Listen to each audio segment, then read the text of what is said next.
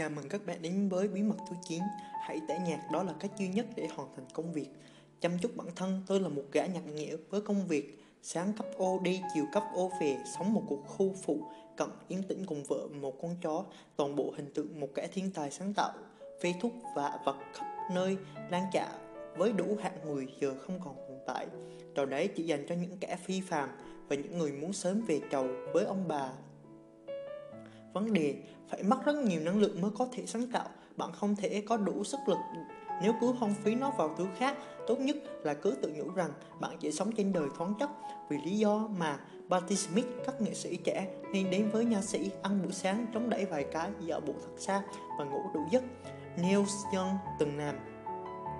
Thà cháy bừng lên còn hơn là là lé loi lé lối tôi xin khẳng định rằng tốt hơn thế ta cứ cháy từ từ để còn được nhìn thấy mặt cháu chứ cháu chắc chứ. Tránh xa nợ nần phần lớn những người tôi quen đều ghét tính chuyện tiền nông nhưng thực hãy tự làm ơn cho chính bạn hiểu chuyện tiền nông càng sớm càng tốt. Ông tôi hay bảo với tôi con gây ạ à, con kiếm được bao nhiêu không quan trọng con giữ được bao nhiêu mới là đáng. Nói hãy dành dụm một khoản của mình chi chi tiêu một trong khoản kiếm được tự sắp hộp cơm trưa cắt bóp từng xu lẻ tiết kiệm hết sức, thu xếp việc học hành cần thiết ở mức rẻ nhất có thể. Nghệ thuật giữ tiền chỉ là việc nói không với văn hóa tiêu dùng hãy nói không với đồ ăn sẵn.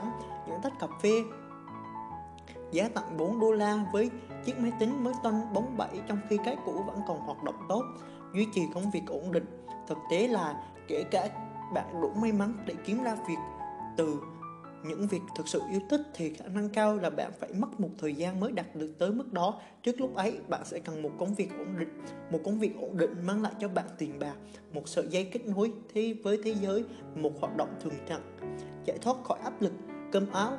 Đồng thời, với sự giải thoát trong nghệ thuật của bạn, như lời nhiếp ảnh gia Bill Cunningham nói, nếu anh không lấy tiền thì làm sao họ bảo anh phải làm gì được?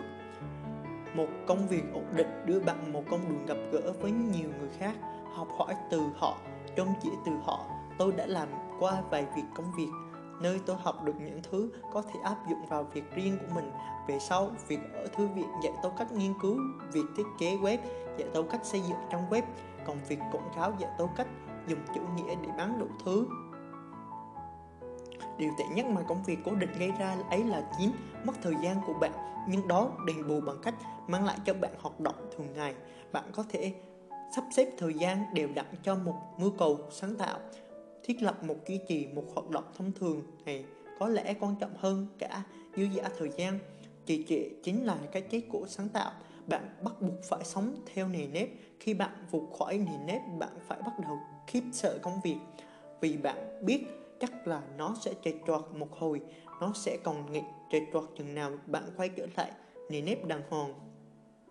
Cách giải quyết cực kỳ đơn giản, hãy tìm xem khoảng thời gian nào bạn có thể dành ra khoảng nào đó để ăn cắp, gắn chặt vào lịch trình thường lệ.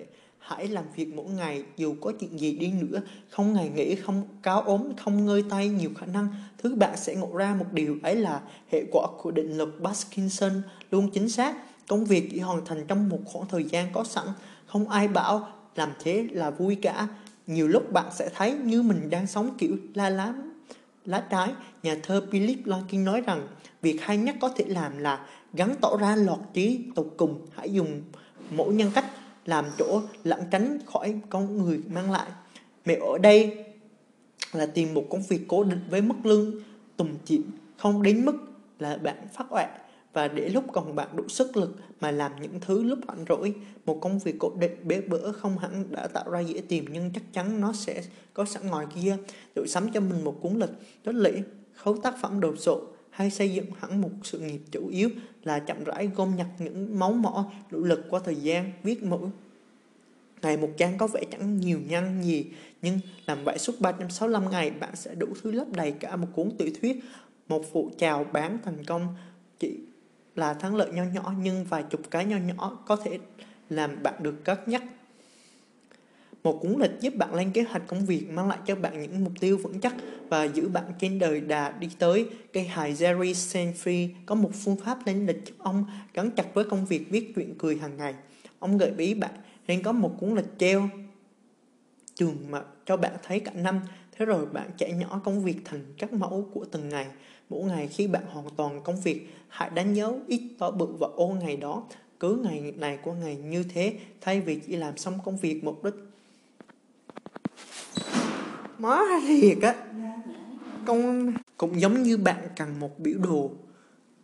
Các sự kiện tương lai bạn cũng cần có biểu đồ các sự kiện quá khứ, một cuốn sổ ghi chép không nhất định phải là một nhật ký hay nhật trình. Đó chỉ là một cuốn sổ nhỏ, trong đó bạn liệt kê những thứ bạn có thể làm mỗi ngày.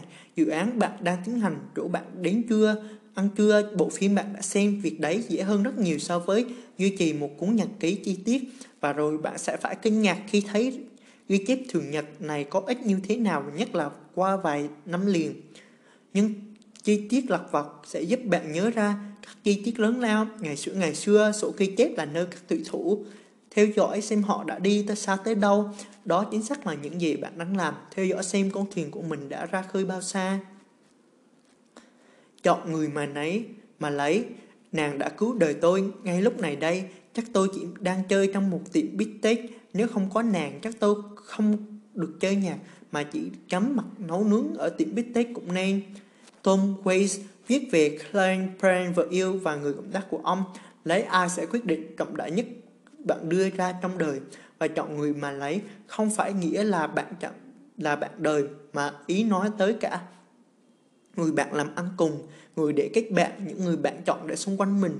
Các mối quan hệ vốn đã quá gian nan nhưng phải một nhà vô địch mới dám. Sánh duyên cùng ai đó vốn bị ảnh hưởng bởi mưu cầu sáng tạo. Rất nhiều lượt bạn phải đóng vai kẻ hầu hạ bếp núc nhọn nhem, rồi lúc chuyện giả đầy khích lệ, một bà mẹ, một biên tập viên tất tần tật chả thiếu vai gì. Một bạn đời tuyệt vời sẽ giúp bạn thêm vững vàng. Một người bạn của tôi có lần nhận xét rằng chung sống với một nghệ sĩ khiến nhà chúng tôi ắt hẳn ngập tràn cảm hứng. Vợ tôi đùa lại à vâng như sống với Da Vinci ấy vậy, nàng đúng là một số một.